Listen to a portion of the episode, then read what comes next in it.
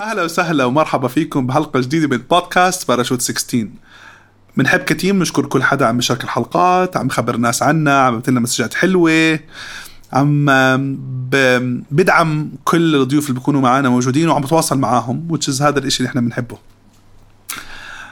ضيفنا لليوم بحلقة 30 من بودكاست باراشوت 16 أم، هو شخص آه، آه، إيه، قصتي بلشت معه قبل ما أعرفه إنه هو نفس الشخص اللي أنا بحكي معه. أنا سمعت آه، عنه كتير قبل ما أتعرف عليه شخصيا. كانوا كتير أصحاب يقولوا لي إنه كيف أنت ما بتعرف آه، رزاز؟ يعني كيف صار يعني كيف هاي يعني؟ و what seems إنه أنا كنت آه، أسمع البودكاست تبعه وأنا ما بعرف إنه هو بيعمل البودكاست تبعه. هو شخصية نشيطة كتير بتتجدد كتير. بتس بحسها ب... ب... بتتحدى حالها لتتجدد أكتر. أم، الأكيد الأكيد إنه معدنه يعني عظيم وباخذ العقل يعني معدنه بجنن كتير كتير كتير. أه، حدا أه، له جزء بتجربتنا في باراشوت 16 عن جد. أه، دعمنا بحب وكان جزء منها بحب. بتذكر أول مرة بعثت له voice note أطلب منه مساعدة. الرد كان طبعا بدون أدنى شك. أه ريادي أعمال أه من الطراز الرفيع. أه وأنا مؤمن إنه هو من الناس اللي راح كيف بدي أحكي يبيض وجه العالم العربي بالعالم. أهلا وسهلا محمد رزاز. أهلا وسهلا. بت- يعني آه، والله المقدمة كريمة. كريمة تستحق. يعني. والله كريمة كريمة يعني. شكرا جزيلا. رزاز شكرا كثير على وقتك. أنا كتير إحنا كثير. محظوظين اليوم. إحنا عم نصور من مكتبنا بعمان. آه سون حنصور مجموعة حلقات مكتبنا بالرياض. لكن أنا كثير فرحان إنه أنت اليوم عم بتزور عمان ف الله يسلمك. فاعطيتنا من وقتك. أنا بعرف قد إيه وقتك يكون دائما آه يعني الحمد لله مشغول بالخير. الحمد لله. رزاز. أهلا وسهلا. البودكاست تاعنا بحب اذكر أذكرك وأذكر كل حدا عم يسمعنا إنه إحنا هدفنا نشارك تجربة حقيقية مع الناس. نشارك فرص مع الناس ونشارك أشياء تعلمها تعلمناها في تجربتنا. فبنحب نروح بتجربة الصديق والعزيز اللي بيكون معنا من مصغره ونفوت بتحديات أشياء صارت معه بالحياة هيك أشياء مو هينة يعني. وكيف أخذ قرارات بغير الدايركش توجهه في الحياة. إحنا كان في تحدي بيني وبينك مين فينا بيحكي إنجليزي أكثر وعربي أكثر فالواضح إنه أنت حتفوز. أنا إلى الآن بال- كسبان. كسبان. إلى الآن الس- كسبان. السوشي علي. رزاز اللي بيعرفك عن اوروبا بيعرف إنه أنت حدا كتير آه، دافي. دافي. وحدا هيك بترحب بالجميع. كنت احكيهم بالإنجليزي وغير رايي حدا دافي قريب من الناس آه، وبحاول يكون بتعرف تعمل علاقات اجتماعية بطريقة ذكية جدا. بحس هذا الشيء مميزك يعني. آه، هل كنت هيك بمصغرك رزاز؟ والله سؤال كويس. أم أم آه، أنا أعتقد في في في طفولتي الطفولة كانت شوي مختلفة ترى. يعني أنا ولدت في الرياض في 8 مارس 1990 أم فطبعا مواليد التسعين مواليد مختلفين لأنه كانت وقتها حرب الخليج. وانت ولدت في الرياض فكانت هذه واحدة من الأشياء اللي صارت. وطبعا يعني كان هذا حديث الناس وأنت تربيت في بيئة الناس كان فيها ترقب على المنطقة كان فيها خوف في المنطقة. حتى الناس اللي كانت مثلا جاية من خارج المملكة تستقر في المملكة أيضا. كان هذا السؤال ما هو سهل إنه هل نجلس في منطقة الخليج ولا نروح لمناطق أخرى مع مع الحرب وكذا؟ لكن أنا طفولتي كانت مثيرة جدا للاهتمام. أنا جاي من عائلة عدد أفراد الأسرة ثمانية. ما شاء الله. آه، وترتيبنا في العائلة بنتين ولد بنتين ولد. آه حلو. فالوالد والوالدة قرروا إنهم يوقفوا عند الولد لأنه كانوا متوقعين في بنتين راح يجوا ولد. قالوا نوقف. خلاص حسب المعادلة واضح إنه آه، آه، وطبعا يعني أجمل شيء البنات في في طبعا الحياة. طبعا طبعا أم، فأنا لما لما لما جيت على الدنيا إحنا حتى كانت أعمارنا قريبة جدا من بعض. يعني الفرق بين أختي الكبيرة وأختي الثانية إيمان وإسراء حوالي سنة سنة ونص. بين أختي إسراء وبيني حوالي سنة سنة ونص. ما شاء الله. فأعمارنا قريبة جدا. في الفترة اللي كنا فيها ابتدائي كان في أحد بيوز... بي- بيودع الابتدائي بيدخل على المتوسط وأحد ثاني بيدخل على الابتدائي فكنا قريبين جدا من الأعمار. أنا نشأت حياتي كلها في دراستي في المدارس الحكومية فأنا ما درست في مدارس خاصة. فكانت آه، نشأتي مع طبيعة المجتمع مع طبيعة الناس. اللي بذكره عن نفسي وأنا وأنا صغير إنه كنت هذا الطفل اللي ما بيختاروه المدرسين. والسبب إنه هذا الولد دائما رافع يده في الصف.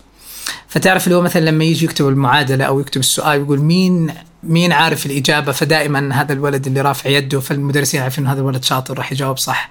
فما ينفع إنه نخليه دائما يجاوب فلازم كل الأطفال الثانيين يجاوبوا. بعدين إذا ما لقينا أحد عارف يجاوب فبنختار محمد. آم، ف- فأعتقد إنه مظاهر الذكاء والشطارة في المدرسة كانت كانت ظاهرة وقتها. ومن هناك بدأ يتشكل أتوقع الجانب ال- التنافسي. ما كنت أعرف نفسي على فكرة اني إني تنافسي إلا مؤخرا. بديت أتعايش مع فكرة التنافسية بشكل عام. ف- فتربيت في مدارس حكومية. آه، كنت جدا آه، بحب الشعر فكانت معظم المشاركات اللي بشارك فيها لها علاقة بالتمثيل بالشعر بمسابقات الإلقاء إلى آخره. إيش تقدر تجيب لي آه، الإنستغرام؟ فكنت فكنت أحفظ كثير. يعني ف فتربيت في هذا ال... وكنت دائما الطفل اللي اللي يشعر بأنه في اهتمام مبالغ عليه سواء كان من الأسرة لأنه كنت أنا أول حفيد في العائلة أو من المدرسين لأنه هذا الطالب نجيب وشاطر وكذا. أم... كنت عادي أنا يعني ولا حرك كثير؟ هذا. الشيء هذا الشيء اللي أنا اللي أنا اللي أنا ماني عارفه حتى الآن. يعني ال- الوالدة بتقول إنه أنت كنت لا كنت كثير الحركة يعني. آه وكنت أحسبها من عدد الضربات اللي موجودة عندي يعني آه والإصابات اللي تعرضت لها وأنا وأنا طفل. بس آه بس بحكم إنه كمان كنت الولد الوحيد فكان في عندي جانب من ال- من الدلع لا بأس به على ما أعتقد. آه فكان هذا الولد اللي لا تضربه لا تزعله إيش اللي محتاج كذا. آه وكنت آم، جدا بحب ألعب الألعاب الإلكترونية أو ال video games فحتى بذكر من لما كان عمري حوالي ست سنوات أو أو سبع سنوات آه، كنت ألعب سوبر ماريو. فكان فبذكر كنت كنت مدمن جدا على على اللعبة هذه. فبذكر في مرة من المرات أخذني الوالد الله يرحمه على الله سوق فكان السوق سوق شعبي في في مدينة الرياض ال- البطحة. وهناك ال- المشوار ممل لأن أنت لما تروح مع والدك هناك معناته أنت رايح هناك تجيب مكسرات وبهارات وأغراض وماني عارف ففي أغراض كثير وأنا وقتها كنت طفل وما وبتعب ومالي على المشاوير والغلبة والأشياء هذه فبذكر كان الوالد يجيبني معاه بس لأنه عشان أساعده في الأغراض بعدين كنت دائما أجلس في محل ألعاب هناك wow. فبذكر في مرة من المرات جلست. ولقيت في عندهم اللي هو ال- الأسرة كنا نسميه نينتندو وبدأت ألعب ماريو فأنا مش شاعر بالوقت فبلعب ماريو بس بختم الماريو من باب إنه إلين ما يرجع الوالد يعني. فبذكر بعدها إجاني الوالد وضربني على كتفي فبقول لي أنت إيش اللي مسوي في المحل؟ فلما لفيت لقيت في حولي يمكن حوالي أكثر من 30 40 شخص. عم بتطلعوا عليك؟ كلهم جالسين بس بيشوفوا هذا الولد اللي جالس يختم الجيم يعني بختم اللعبة يعني. مم. والوالد كان جالس أبو عشر دقائق بس يعني يشوف إيش اللي إيش اللي صار. فكان عندي هوس جدا بالكمبيوتر بالألعاب. بذكر أول جهاز جابه الوالد من مكتبه يعني كان أعطوه كمبيوتر في المكتب. فتعمد إنه يجيبه على البيت حتى إنه يشتغل فيه وكان عمدا بس يعطيني إنه تعال إلعب عليه وجرب وكذا. فمن هناك بدأ حب ال- التعلم حب الكمبيوتر حب الشعر والألقاء والأشياء هذه كلها. فأعتقد هذه الأشياء اللي شكلت شخصيتي بشكل كامل. بس كانت فترة عصيبة طبعا فكريا على مستوى المنطقة آه كنت مدرك هذا الكلام؟ الاختلاف. آه، كنت مدرك إنها يعني عصيبة قصدي؟ كان يعني لما أنت تكون طفل ويكون عندك كمية هائلة جدا من الأسئلة ويفشل المدرس في الإجابة عليها أو أنه يضعك في قالب معين في الإجابة عليها كنت أشعر بأنه في شيء غير صحيح. آم، وخاصة أنت لما تيجي كمان من من خلفيات فكرية مختلفة مثلا ف فمن وقتها وأنا كنت أسأل أنه طب هل هذا المنهاج صحيح؟ طب هل الكلام آه. هذا المذكور صح ولا لا؟ طيب الكتب الأخرى فبديت أقرأ كثير حتى من من من الصغر ف- فكانت تقلبات كثيرة جدا وقتها كانت السعودية تشهد يعني أنا بتذكر كانت طفولتي كلها أول ما شهدناها كنا لما كل ما نكبر نبدأ نتعرف على دولة جديدة مثلا. نعم. نتعرف على طبعا فلسطين بطبيعة هي قضية المنطقة. فمثلا أحداث آه، استشهاد محمد الدرة بذكر انه هذا كان حدث كبير جدا. طبعاً. الانتفاضة اللي حصلت بعدين آه، الشيشان سراييفو البوسنه والهرسك. مسألة إنه كيف كانت الناس تروح تتبرع ب بالذهب وبالمجوهرات والعمل الخيري والعمل طبعاً، كذا. كان كان نشيط جدا في المملكة. والمملكة دائما كانت نشيطه. في هذا المجال. وما زالت. وما زالت. ف... تشوف انت كيف كيف تربيت بعدين كيف تحولات المنطقة وبعدين كيف لما دخلنا إحنا بعدها على مسألة الربيع العربي اللي اللي حركت المنطقة بشكل عام. بعدين نتكلم الآن على مرحلة ال- النهضة والنهوض والتحولات اللي جالسة تصير في المملكة. فأنت بتمر بتحولات آه، كبيرة جدا وسريعة جدا فقط لانك مواليد التسعين. يمكن اللي كان مثلا مواليد السبعينات أو الستينات شهدوا حقبة اهدى من التغييرات اللي إحنا. جالسين نشوفها اليوم. فأنت اليوم مثلا بيكون عمرك 30 سنة لكن شهدت الكثير من التغييرات. على المستوى الفكري على المستوى الاجتماعي على المستوى الحضاري. آم، العولمة والانفتاح على الناس والإنترنت. دخل علينا في عام 2004 2003 يعني أعتقد معظمنا سوى حساب على الفيسبوك 2007 طبعا. آه، فمن هناك. بدينا 2006 2007 فبدأنا ننفتح على العالم. فكل هذا كان جزء أساسي من فكرة إنه أنت ما, ما تبني فكرة واحدة موحدة في بالك كل فكرة قابلة للانتقاد.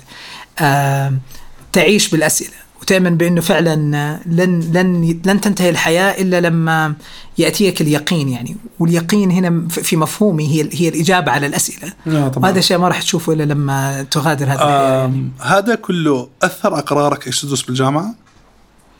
أثر قرارك وين تدرس بالجامعة؟ أم، وين أدرس وإيش أدرس؟ أم، كان كان كان القرار سطحي صراحة. أنا معلومة ما بعرف إذا بتعرفها، تخرجت من الثانوية العامة في عام 2007 و- وكان معدلي 100% فتخرجت بمعدل مكتمل. وكانت الثانوية اللي بدرس فيها هي أول ثانوية في في المملكة من أصل خمس ثانويات يطبق عليها النظام التراكمي. النظام التراكمي معناه إنه أنت ثلاث سنوات أي اختبار راح تسويه بيدخل في معدلك التراكمي آه حلو. فتخيل أنت تكون على أعصابك لمدة ثلاث سنوات, سنوات. كلها علامات كاملة حتى إنك توصل لمعدل 100% فلما تخرجت بمعدل 100% في هذاك الوقت كان السؤال إنه إيش راح أدرس؟ ف... فبصير عندك هذا السؤال إنه طب أنت ممتاز في الأحياء جايب علامة كاملة فأدرس طب. أو ممتاز أدرس هندسة مثلا إنك ممتاز في الرياضيات أو أدرس تخصص آخر. بس اللي كنت مدركه فعلا إنه أنا ما ما راح أدرس طب فكان السؤال طيب إيش راح تدرس؟ فقلت أوكي أدرس هندسة. طيب إيش راح تدرس هندسة؟ فكان السؤال بإنه إيش أصعب أنواع الهندسة الموجودة؟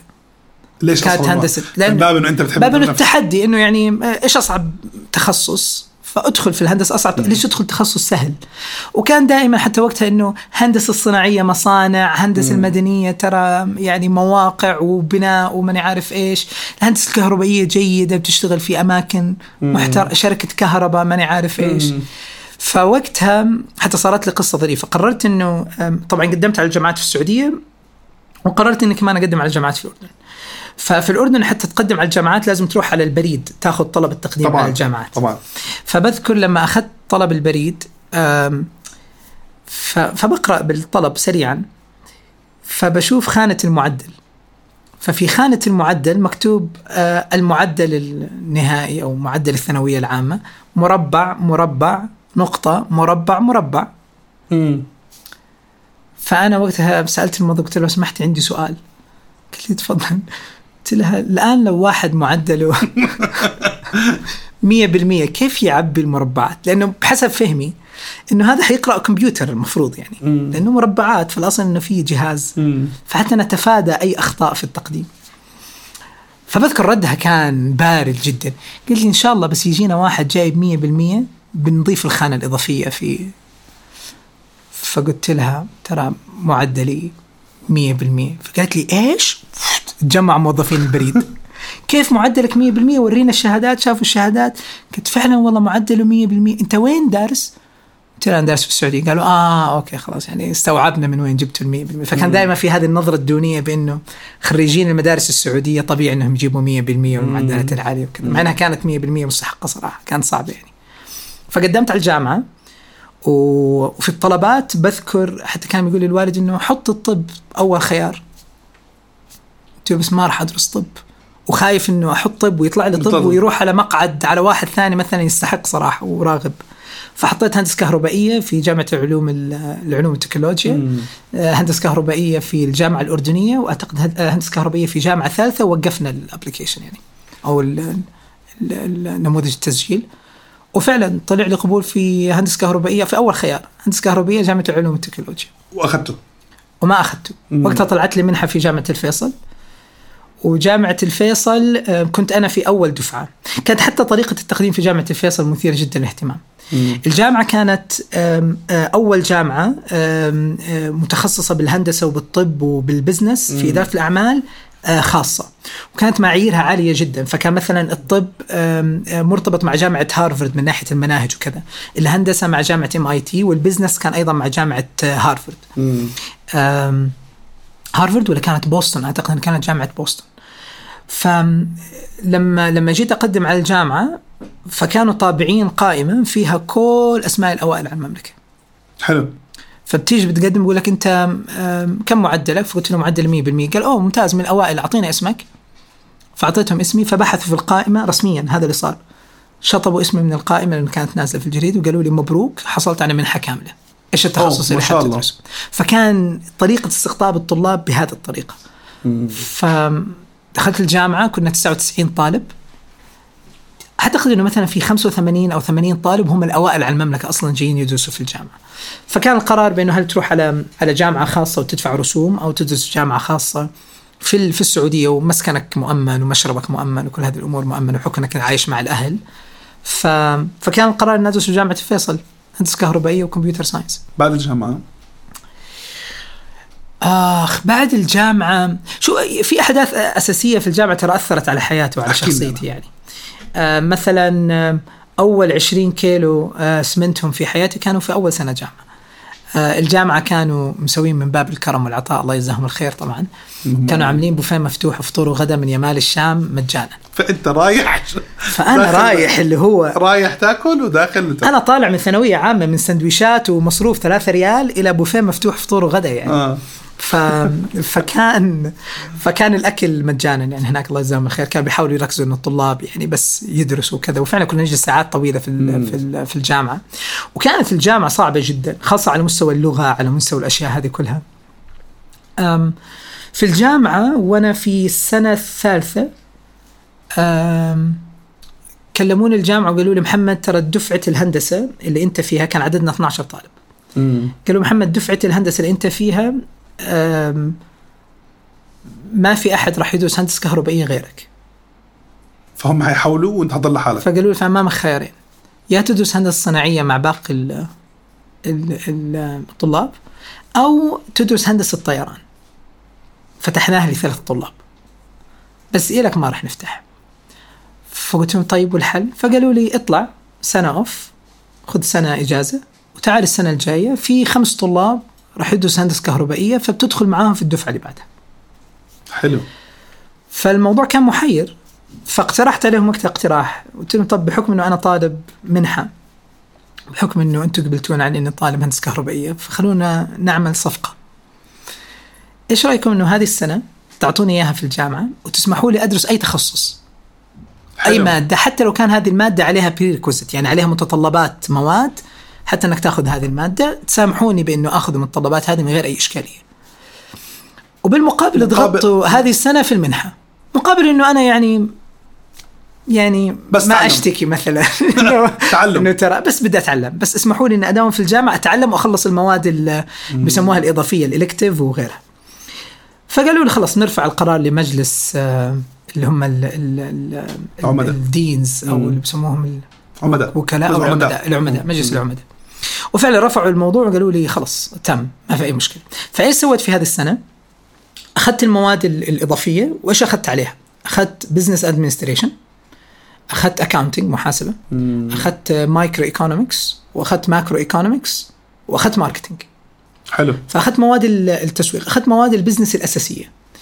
فاكتشفت إنه أنا رايح هناك و, و, و وفعلا كانت علاماتي ممتازة. لدرجه انه كنت أخرب ال- اللي إحنا بنسميه ال curve آه. أو ال scale على طلاب على طلاب ال business وكان دائما يستثنوا درجتي بحكم إنه أنا طالب هندسة. فهذا مو محسوب على طلاب ال business فأنت كنت فعلا شاطر في الجامعة. فكنت شاطر في الجامعة. آه فخلصت هذه السنة. وهذه السنة خلتني أفكر بإنه هل أرجع للكهرباء ولا أستمر في في في. في قطاع إدارة الأعمال. بس قررت إنه خلاص بحكم إنه. دخلت هندسة. وماخذ المواد وكذا.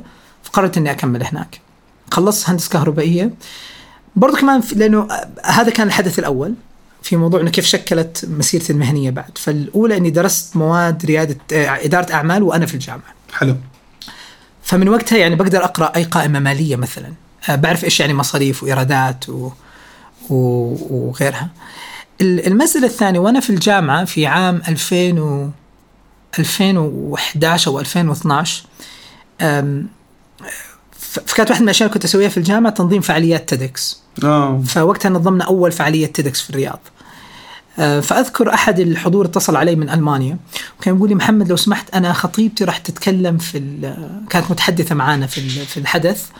آه، وحاب إني أفاجئها وأحضر بس ما في تذاكر. فهل في أي طريقة بقدر إني أدخل على الفعالية أو إني أحصل على تذكرة؟ فقلت له أبدا حياك وأنا بستضيفك وبتدخل معنا إن شاء الله. فعلا اجى من ألمانيا ودخل وحضر الإيفنت. بعدها طلب مني إنه محمد هل ممكن أجتمع معك؟ قلت له تعال حياك. واجى عندنا يعني جاء وزارنا في في الجامعة. وقال لي محمد في هذا كلام 2011 مم. تخيل بيقول لي محمد أنا ومجموعة من الأصدقاء 2011 ب- جالسين نبني business أو مشروع متخصص ببيع الله يكرمك الأحذية. حلو. اونلاين فأنا كنت أقول له أحذية. اونلاين فكرة سخيفة ترى. كيف راح تبيع شيء أنت لازم تقيسه أصلا بالمحل؟ كيف الناس بتش... فكان بقول محمد في شيء اسمه ترى تجارة إلكترونية وموجودة في ألمانيا صار لها فترة وما هي موجودة في المنطقة. فعلا ما كنت مستوعب يعني. قلت له طيب فقال لي فإيش رأيك تترك الجامعة وتروح معنا على دبي تأسس معنا المشروع كنت هذا وقتها- سنة؟ 2011 آه أي سنة بالجامعة تقريبا سنة سنة ثالثة أو أو, آه، آه. أو, أو سنة لسه- لسه كان لسه سنة. باقي تقريبا سنتين سنتين وشوي فأنت الموضوع كان أنا طالب منحة يعني أقل شيء أهلك يعني يبهدلوك ولا إذا ما أنهوا حياتك إنه طالب خلص الجامعة يعني وإيش تترك الجامعة؟ اللي كنت أتكلم معاه هو أنس عابدين الشريك المؤسس لشركة نمشي. آه. فمن هذاك الوقت أنا أوف والله هذه فرصة وفاتت. سبحان الله استمرينا على التواصل. نمشي في هذاك الوقت كانت مملوكة قبل ما يصير عليها استحواذ مؤخرا من من إعمار كانت مملوكة من شركة آه، Rocket Internet تعتبر من أكبر شركات طبعاً. الإنترنت في طبعاً. في ألمانيا. فسبحان الله بعد ما خلصت من الجامعة خلصت هندسة هندسة كهربائية مرتبة شرف. فالطبيعي إنك تروح تقدم على شركات الكهرباء. فبذكر سويت آه، مقابلة مع شركة كهرباء. بعدها مباشرة تعرفت على المدير الإقليمي لشركة Rocket Internet. و- وجلس معي وقال لي محمد آه، خلينا نجلس وندردش أكثر نتكلم عن السوق السعودي وإيش في فرص وكذا. وحكى لي عن فكرة تطبيق تطلب من خلاله سيارة تاكسي. في عام 2000 و آه، 2013 فكرة أنه أنت تطلب تاكسي من معروف. من, جوال خيار غير مطروح أبدا. فوقتها حتى بذكر قلت له أوف هذه الفكرة حتشتغل بالسعودية وبالأردن. مم. كنت بالتحديد الاردن لأنه مع الزيارات فكنت أعرف إنه في مشكلة في موضوع المواصلات. فبعدها أرسل لي رسالة بعد ما أنهينا الاجتماع وقال لي محمد هل بتحب إنك تنضم معانا؟ ترى جالسين بنوظف وحابين إنك تيجي معنا ففعلا من هذاك الوقت بدأنا في تأسيس شركة ايزي تاكسي اللي اليوم اسمها جيني على مستوى الشرق الأوسط. فكنت الموظف رقم واحد. فكانت تجربة إنه أنت الآن بدل ما تروح تسوي مقابلات عند الشركات مطلوب منك بالميزانية اللي عندك إنك توظف 30 موظف. أنت اللي تتعلم كيف تسوي مقابلات مع الناس. فرسميا غسان كنت أجلس ثمان ساعات دوام وبعدين أجلس الثمان ساعات بعدها أتعلم. لدوام بكرة. إيش راح أسوي بكرة؟ آه طبعا. عندي مقابلة بكرة فخلينا أتعلم كيف الواحد بيسوي مقابلات شخصية مثلا. وأرجع ثاني يوم وأطبق الأشياء هذه على الناس وأجرب وأوظف وكذا. وفعلا خلال سنتين صار عدد الفريق حوالي 35 يعني موظف وكانت آه، وأنت كنت.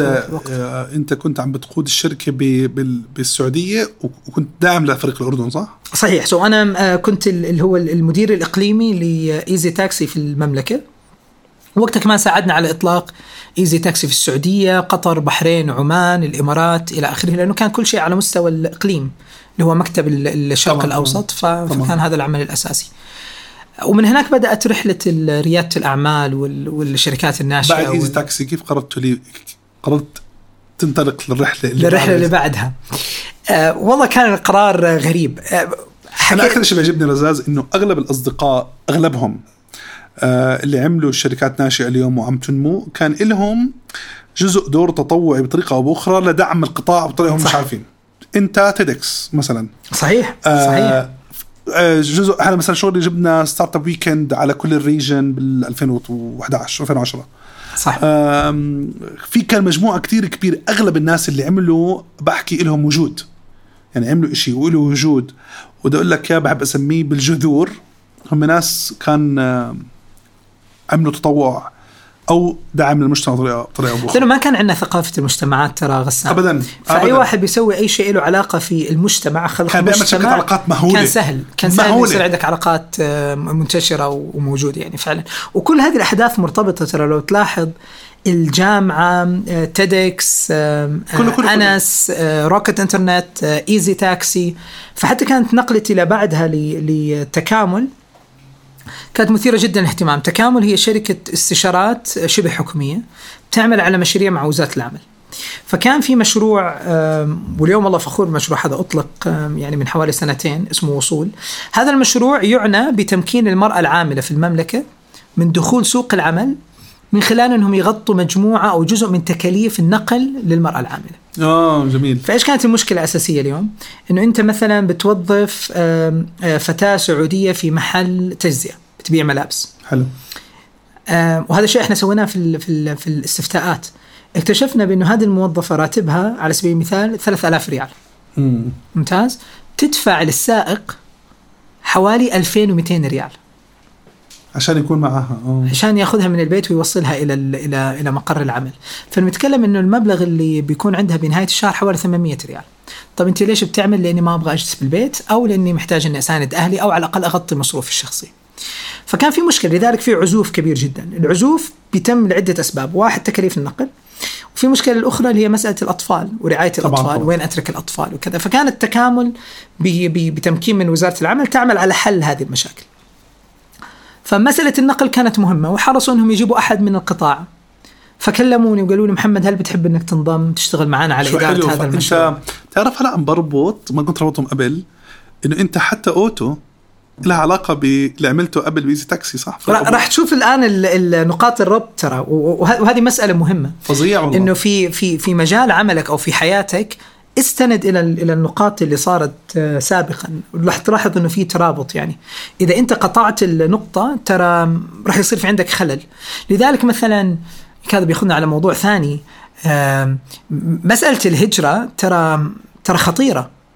أنت رسميا بتترك كل النقاط هذه في مكان وبتحاول إنك تأخذ خط آخر تبدأ فيه من الصفر. طبعاً. فالموضوع متعب ومجهد بشكل كبير جدا. طبعا طبعا يعني مش دائما الهجرة لا هي أفضل خيار تكامل آه، تكامل حبوا أنك تكون جزء من الفريق لأنه أنت لك تجربة بهذا القطاع لأنه كنت أدير شركة في قطاع ال- النقل اللي هي شركة Easy Taxi فمحتاجين أحد بهذه الخبرة. حلو بالنسبة لي كانت إنه أنت بتدير شركة startup. وطلعت من من لا خبرة إلى إلى إنك تكون ال- ال- المدير الإقليمي فما كنت آخذ إجازات وما كنت أعرف إيش يعني تشتغل في شركة كوربريت شركة كبيرة مثلا تقدم على إجازة واحد يوافق. كان حلم حياتي انه يكون عندي مدير أرفع له إجازة ويوافق عليها. لأنه ما كان عندي إجازات. ما في وقت إنك تاخذ إجازة. صح؟ أنت المسؤول. طبعا. وخليني أجرب تجربه إني أشتغل في شركة كبرى عشان لو أنا استمريت في قطاع أكون على الأقل جربت كل الخيارات. وفعلا اشتغلت في تكامل، تكامل كانت من أعظم الشركات على مستوى بيئة العمل يعني. آه يعني من الأشياء اللي كانت يمكن ما تصدقها مثلا في تكامل، تكامل بعيدا عن كونها مثلا من الشركات اللي بتعطي رواتب عالية جدا وتنافسية في السوق. تكامل ترعى أطفالك من ناحية ال- التكاليف التعليمية، المصاريف. التعليمية.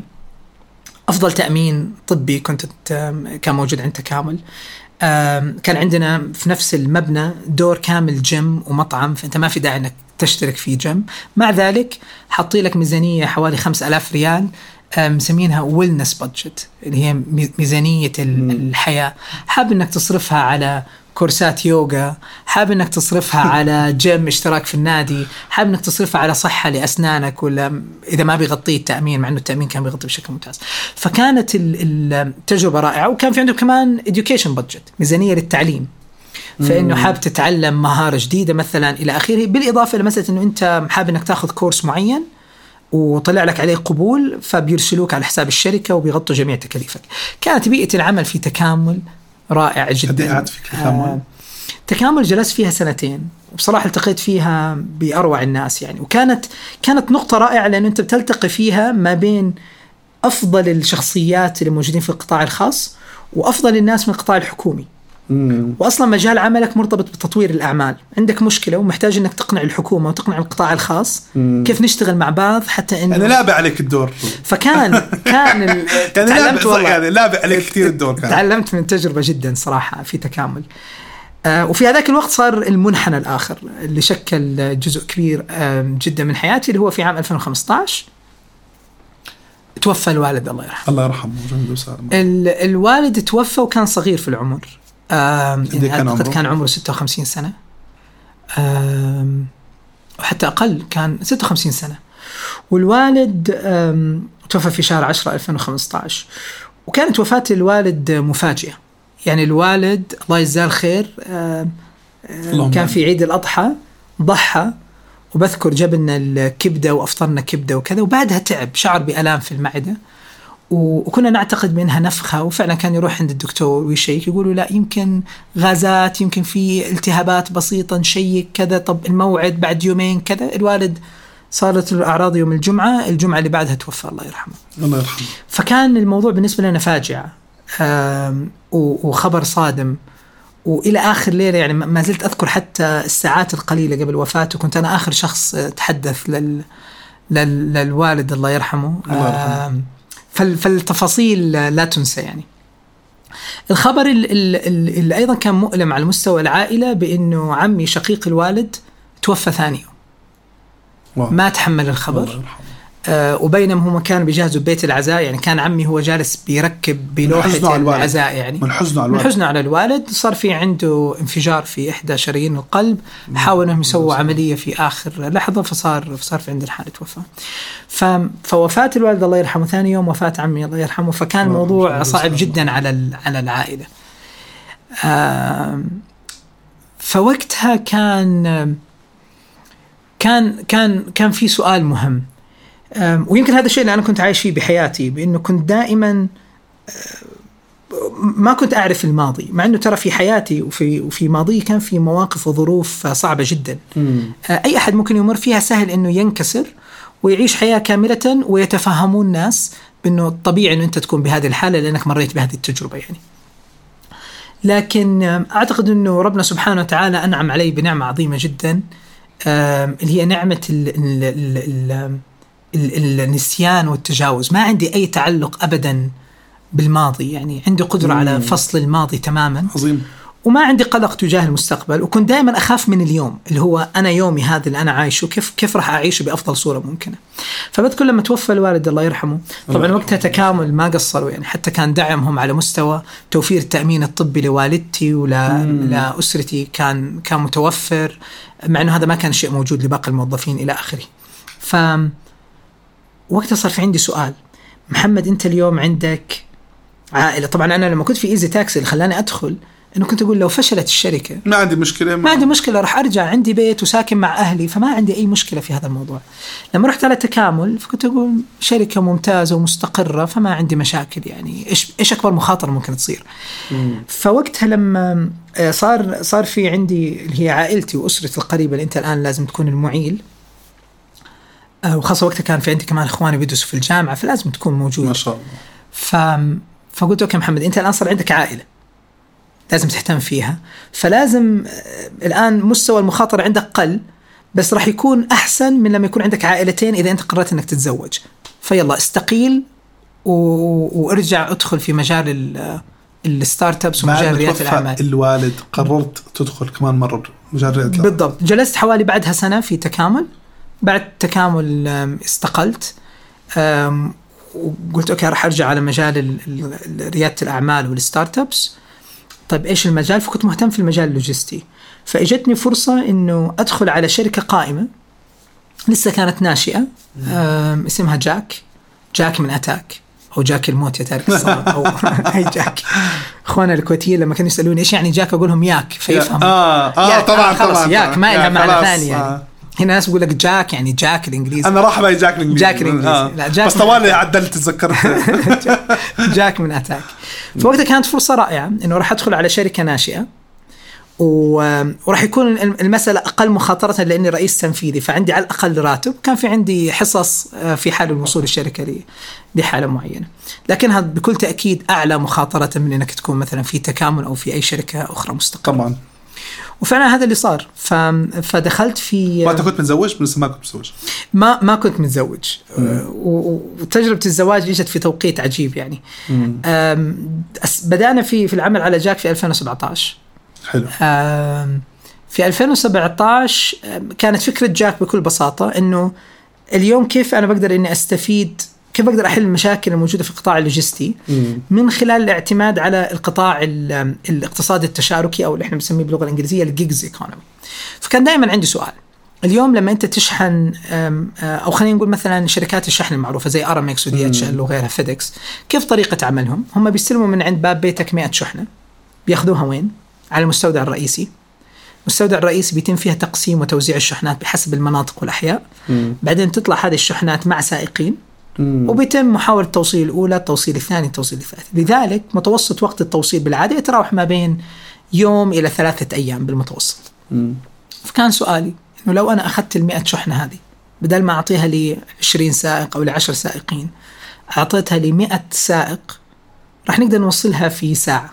لو كل سائق تعامل مع شحنة واحدة بس. طبعا. لكن من وين نجيب 100 سائق؟ الموضوع مكلف في التوظيف. فكنت أقول كيف ممكن نعتمد على الاقتصاد التشاركي؟ وليش ما نروح نجيب الناس اللي آه، عنده سيارات و- وحاب إنه يشتغل عمل إضافي إنه يبدأ يشتغل معنا؟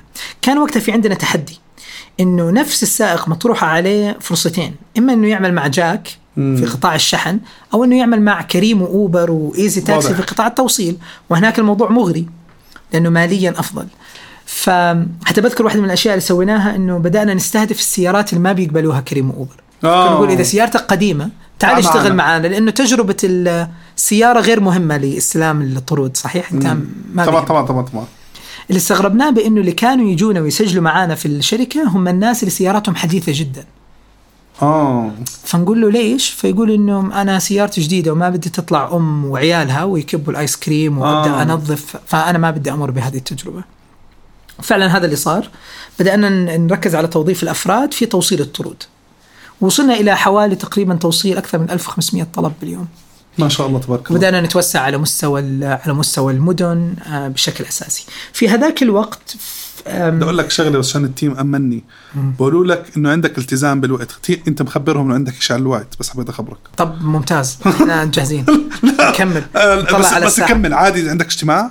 أنا عندي كمان خمس دقائق اجتماع بس أنت ضروري بس نخلص؟ بس أنت دخلتنا بعز الموضوع ما طلعنا منه صرنا الآن في نص القصة. يعني آه، بن بنحاول نخلص على الوقت إلا. إذا بدك التيم عادي بدك تيم والله إذا لحدا تليفون بقدر إني أرسل إنه 10 telephone, دقائق? متأخر فأنا طبعا يسعدني يعني. بليز لا لا لا طبعا آم، والشخص اللي حيشوف الاجتماع حيعرف إنه ما, ما كنت ألعب يعني خلاص والله كان في شغل آه. لا عشان الم- المهنية عشان أنت قلت لنا شيء مهم كتير وإحنا ضغطناك بالوقت take your time ابعث ال message please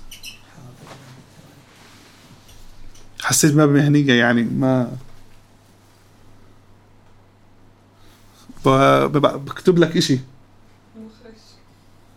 ربع ساعة؟ عادي احكيها أسامة. ربع ساعة. نص ساعة.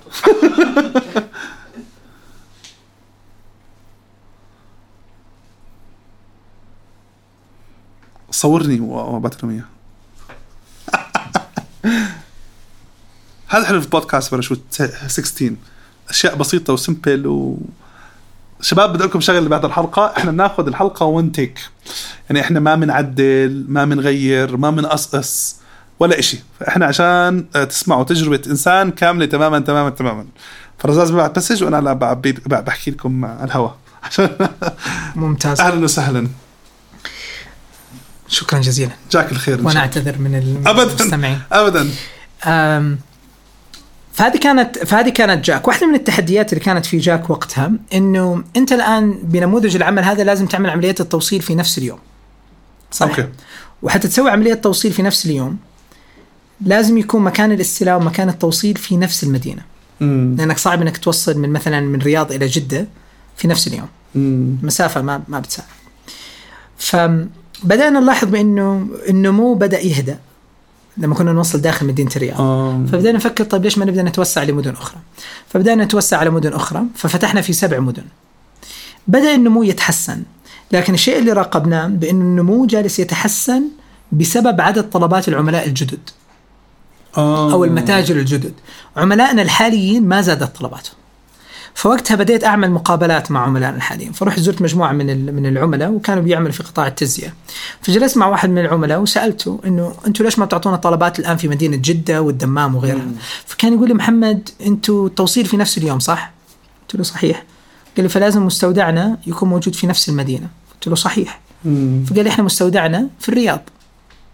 وشحناتنا بتطلع داخل الرياض وخارج الرياض من هذا المستودع. مم. فأنتم بتستلموا جميع طلبات الرياض وخارج الرياض بتروح مع شركات الشحن. فأول شيء خطر في بالي قلت له طب معلش سؤال أنتم كم فرع موجود عندكم في المملكة؟ هذا العميل كان عنده أكثر من 900 فرع داخل المملكة. ما شاء الله طيب فعملائنا طبعا هم الآن العربية العود حبايبنا يعني. مم. فوقتها كان أول سؤال بإنه طب ليش ما تعطينا الطلب من الفرع؟ يعني أول ما تستقبل الطلب من متجرك الالكتروني ترسل الطلب هذا إلى الفرع في جدة إذا كان عميلك في جدة وإحنا نستلم من جدة ونوصل إلى جدة. في نفس حاسس ان الساعة. أوتو طلعت. حاسس حاسس إن أنا عرفت ليش أوتو. يعني حاسس في أي مكان بس عشان آه. تعرف الترابط والكذا. فقال لي أم، أم، قال لي في عندنا مشكلتين. المشكلة الأولى هو مدير المتجر الإلكتروني. قال أنا ماني حابب إني أشارك ال- ال commission أو الحصة تبعتي على المبيعات أو البونس مع موظفين الفروع. فقلت له هذه بنحلها. إيش المشكلة الثانية؟ فقال لي ما عندي نظام يربط متجر إلكتروني بالفروع بشركات التوصيل السريع. حلو. فوقتها قلت له طب خليني أشوف إيش اللي نقدر نسوي. فبدأت أعمل بحث على حلول. ما حصلت أي حل تقني واضح مباشر لهذه المشكلة اللي بربط المتاجر الإلكترونية مع شركات الفروع. الشحن مع الفروع. بالضبط. حتى إنه نأتمت العملية هذه. وقتها بالصدفة قابلت آه، فرقان عزار. فرقان عزار كان آه، أستاذي بالجامعة. فكان يدرسني في جامعة الفيصل. ففرقان كان حاصل على ماجستير بالهندسة الصناعية وال- واللوجستيات. جاء على السعودية للتدريس. درسني مواد في الهندسة الصناعية. حلو. و- وسبحان الله التقينا في 2000 أول مرة 2010 بعدين التقينا ثاني مرة 2018 بعد ثمان سنوات. فاهلا كيف حالك؟ إيش الأخبار؟ إلى آخره. أوف نحفان كنت وقتها طبعا يعني مسوي عملية التكميم ونحفت ال- الوزن. فقال لي أنت إيش بتسوي؟ قلت له والله إحنا عندنا شركة توصيل اسمها جاك أنت إيش بتسوي؟ قال والله أنا وإخواني مؤسسين شركة في ال software وتطوير البرمجيات وبنبني تقنيات للناس يعني. فقلت له خلينا نجلس عندي فكرة و... حلو حلو. خلينا ندردش وفعلا طلعنا بنموذج أولي تجريبي. وفي نهاية خلال ثلاث أسابيع وكلمنا ال- ال- العميل وكلمنا عملاء آخرين نجرب معاهم التجربة هذه. بنهاية عام 2018 طلعنا بال- بالجولة التجريبية كانت على أساس أنه هذا حل تقني ما بنعرف إيش اسمه. وفي عندنا شركة توصيل اسمها جاك هي المسؤولة عن التوصيل والعملاء بيرسلوا الطلبات من خلال واضح. هذا النظام. في شهر آه، في شهر فبراير 2019 آم، قبل زواجي بثلاث أيام. مم. شوف سبحان الله كيف يعني يغلق باب ويفتح باب يعني يقول لك ربنا سبحانه وتعالى ما ما بيغلق باب إلا بيفتح لك بابين. ف حتى في في مثال لطيف بيقول لك إنه الطفل داخل الرحم ترى مصدر غذاء واحد صح؟ مم. من الحبل السري. بمجرد ما إنه ربنا أغلق عليه الباب فتح له بابين اللي هو صدر والدته. سبحان الله. بعدين سبحان الله أول ما تنفطم تنفتح لك أبواب الغذاء كاملة فبصير عندك خيارات أكل أخرى. فسبحان الله على مسألة إغلاق الباب وفتح الأبواب الأخرى. فقبل زواجي بثلاث أيام خبرني مجلس الإدارة بإنه قررنا إنه نغلق جاك العمليات التشغيلية وقرر واحد من الشركاء إنه يستحوذ على على التقنية ويلغي العمليات التشغيلية ويبيع التقنية بشكل منفصل. آه فجأة واحدة. ففجأة الآن أنت راح تدخل على زواجك وعلى عرسك وأنت من غير وظيفة يعني. ف فكانت مرحلة طيب خلصنا صار الزواج صار شهر العسل رجعت صارت مسألة الآن كيف تبحث عن وظائف لموظفينك. أنا أول شيء سويته في في في جاك قلت الموظفين أنا آخر واحد راح يسكر الباب. ما راح يطلع ولا موظف من بعدي.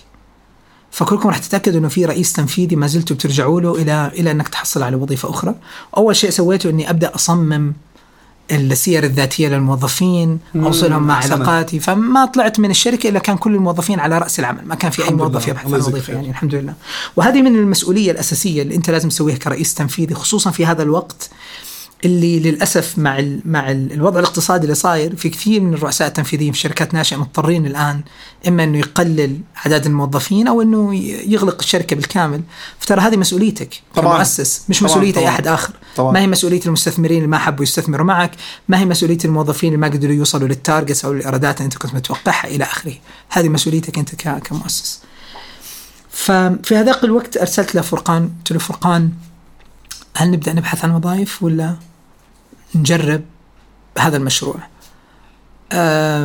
فقال لي خلينا نجرب بس إيش أفضل طريقة نجرب؟ قلت له في مسرعه أعمال اسمها 500 Startups وفاتحين الدفعة الثانية في في المملكه كان بس تقنيه. موجود. كان عندنا نموذج أول ام- للتقنية. ام- آه، حتى ما. كان في كان في فكرة ونموذج أول للتقنية. وفعلا قدمنا على 500 Startups آه هذا هذا الكلام كان في سبتمبر 2019 و ودخلنا. في نهاية سبتمبر صار اسم ال business طبعا أوتو أول ما قدم لأنه كان محتاجين نقدم presentation و logo فوقتها كان كان بيسألني فرقان إنه إيش نسمي ال business؟ قلت له شوف بحكم إنه إحنا جالسين نطلع الطلبات الأونلاين من الفروع ال offline فليش ما نسميها أوتو من online to offline؟ آه okay. وإحنا بنحول الفروع إلى online hubs فإحنا بنحول الفروع من offline to online.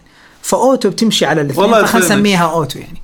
وفعلا سميناها OTO وقدمنا ال presentation وانقبلنا في المسرعه وانطلقت رحلة أوتو من هناك. فمرة ثانية يعني كانت مرتبطة بكل هذه النقاط سواء كانت الجامعة عملك في القطاع اللوجستي آه، تكامل وغيرها من من التفاصيل. آه رزاز في أمور إحنا ما ما شاركناها بالحلقة بس أنا حشاركها هلأ عشان آه بدي أوصل لل بناء على تجربتك مجموعة من الدروس بالحياة اللي كتير بهمني.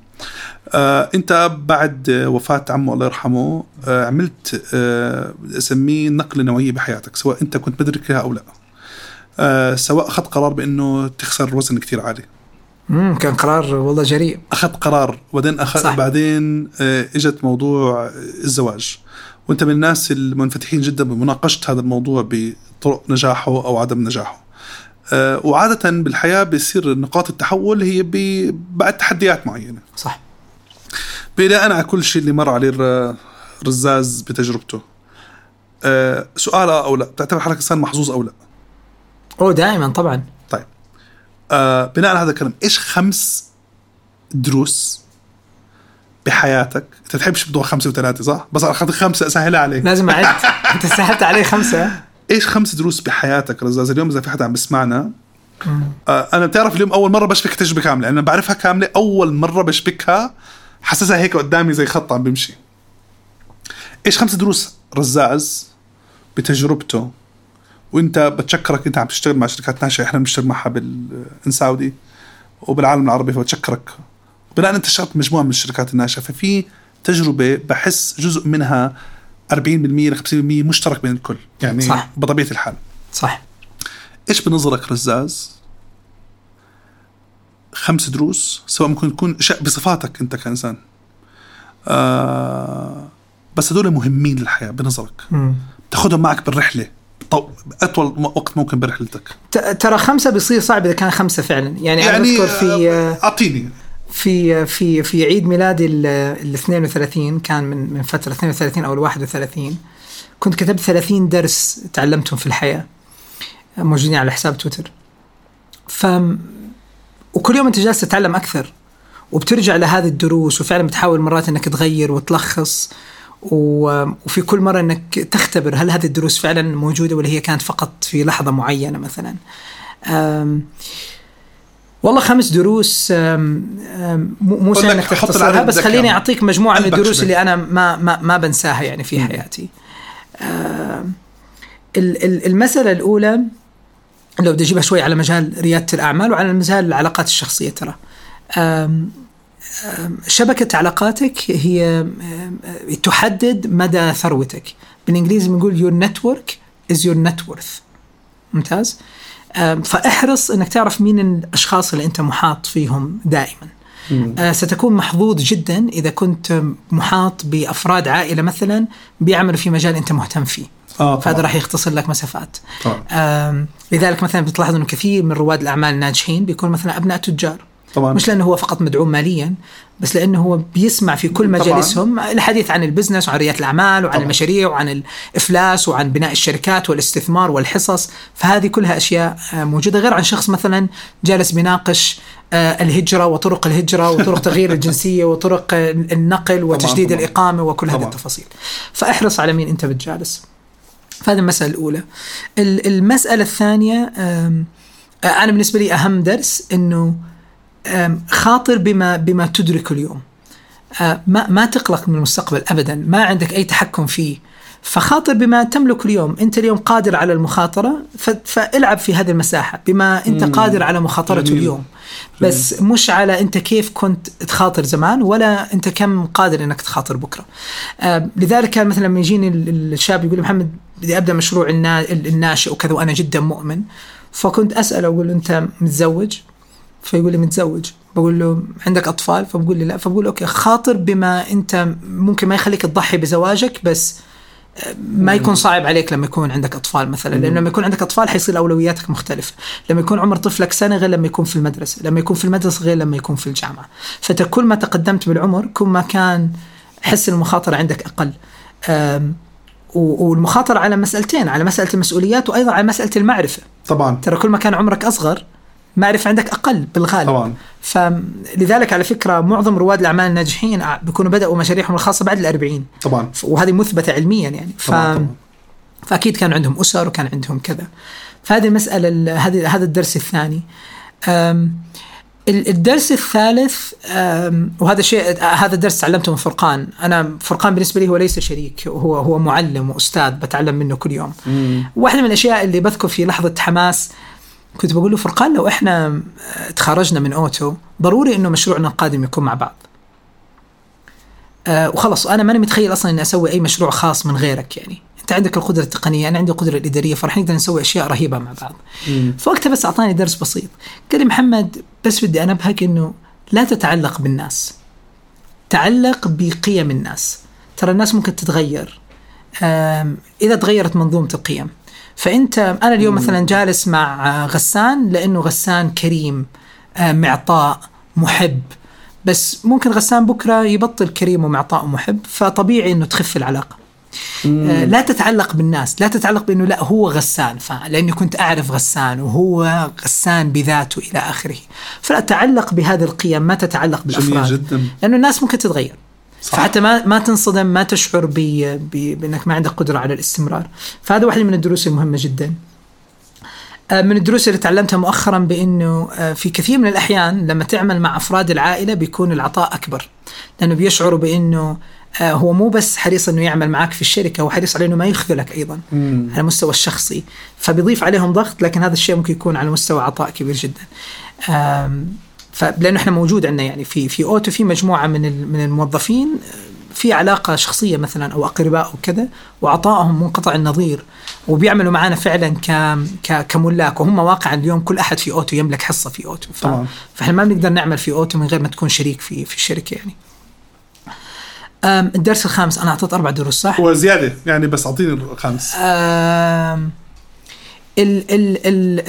الدرس الخامس إنه ما, ما تستهين بأي تجربة أنت بتمر فيها راح تلاحظ بإنه كل تجربة مرتبطة بتجربة أخرى يمكن إحنا شرحناها زي اللي. صار معنا اليوم كل متعلقة أبداً. بشكل كبير جدا كل إشي عشان هيك بقول لك قبل الحلقة كنت إنه ما في إشي بينذكر قدامك أو إشي بتعمله عبث أبداً. أو ضايع صحيح صحيح. آه رزاز آه بآخر الحلقة إحنا بنطلب من ضيفنا إنه يقدم شيء للناس. تسمح لي أقول لك أنت شو بتقدر تقدم شيء كتير حلو؟ اللي بشوفه فيك كتير أكيد حلو. طبعا.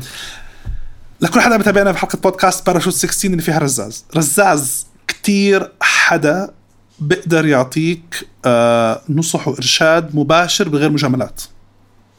آه، قدر المستطاع إن شاء الله. ممكن آه بشجعكم. إحنا بكل ال ال الوصف تبع البودكاست راح نحط كل ال social media تبعت رزاز نحط الإيميل اللي هو بفضل إنه نت- نتواصل معاه فيه. بس إذا عندك شركة ناشئة بالتقنية بالعالم العربي تواصل مع رزاز وهو أصلا already حيبعت لك link يقول لك مات الوقت تبعه الفاضي. بالضبط ممتاز. كيف؟ ممتاز. رزاز إحنا بنحبك. الله يسلمك. الله يقويك. شكرا جزيلا والله. ويرزق منك. شكرا كثير على وقتك. الله فخورين يسلمك رب. كثير بدي أقول لك يا إنه إحنا بدي دعاء دائما ونحب دائما دائما لكل حدا. الله يرزقك ويرزق منك. آمين رب العالمين. الخير على يديك وتثق في قضاء حوائج الناس. آمين رب العالمين. بنحبك وكل الشكر. والله شكرا جزيلا على الاستضافة ترى. وأنا ما بعرف أنت ما بتبين ال team صح؟ دائما في لا، الحلقات. ال team موجود. ترى في team رهيب هون بس والله. أكيد ما حد شايف بس بنلف الكاميرات إحنا شكرا بنحاول جزيلا أحسن ناس. يعطيكم العافية. والله يعطيكم العافية. شكرا جزيلا. شكرا رجاز شكرا.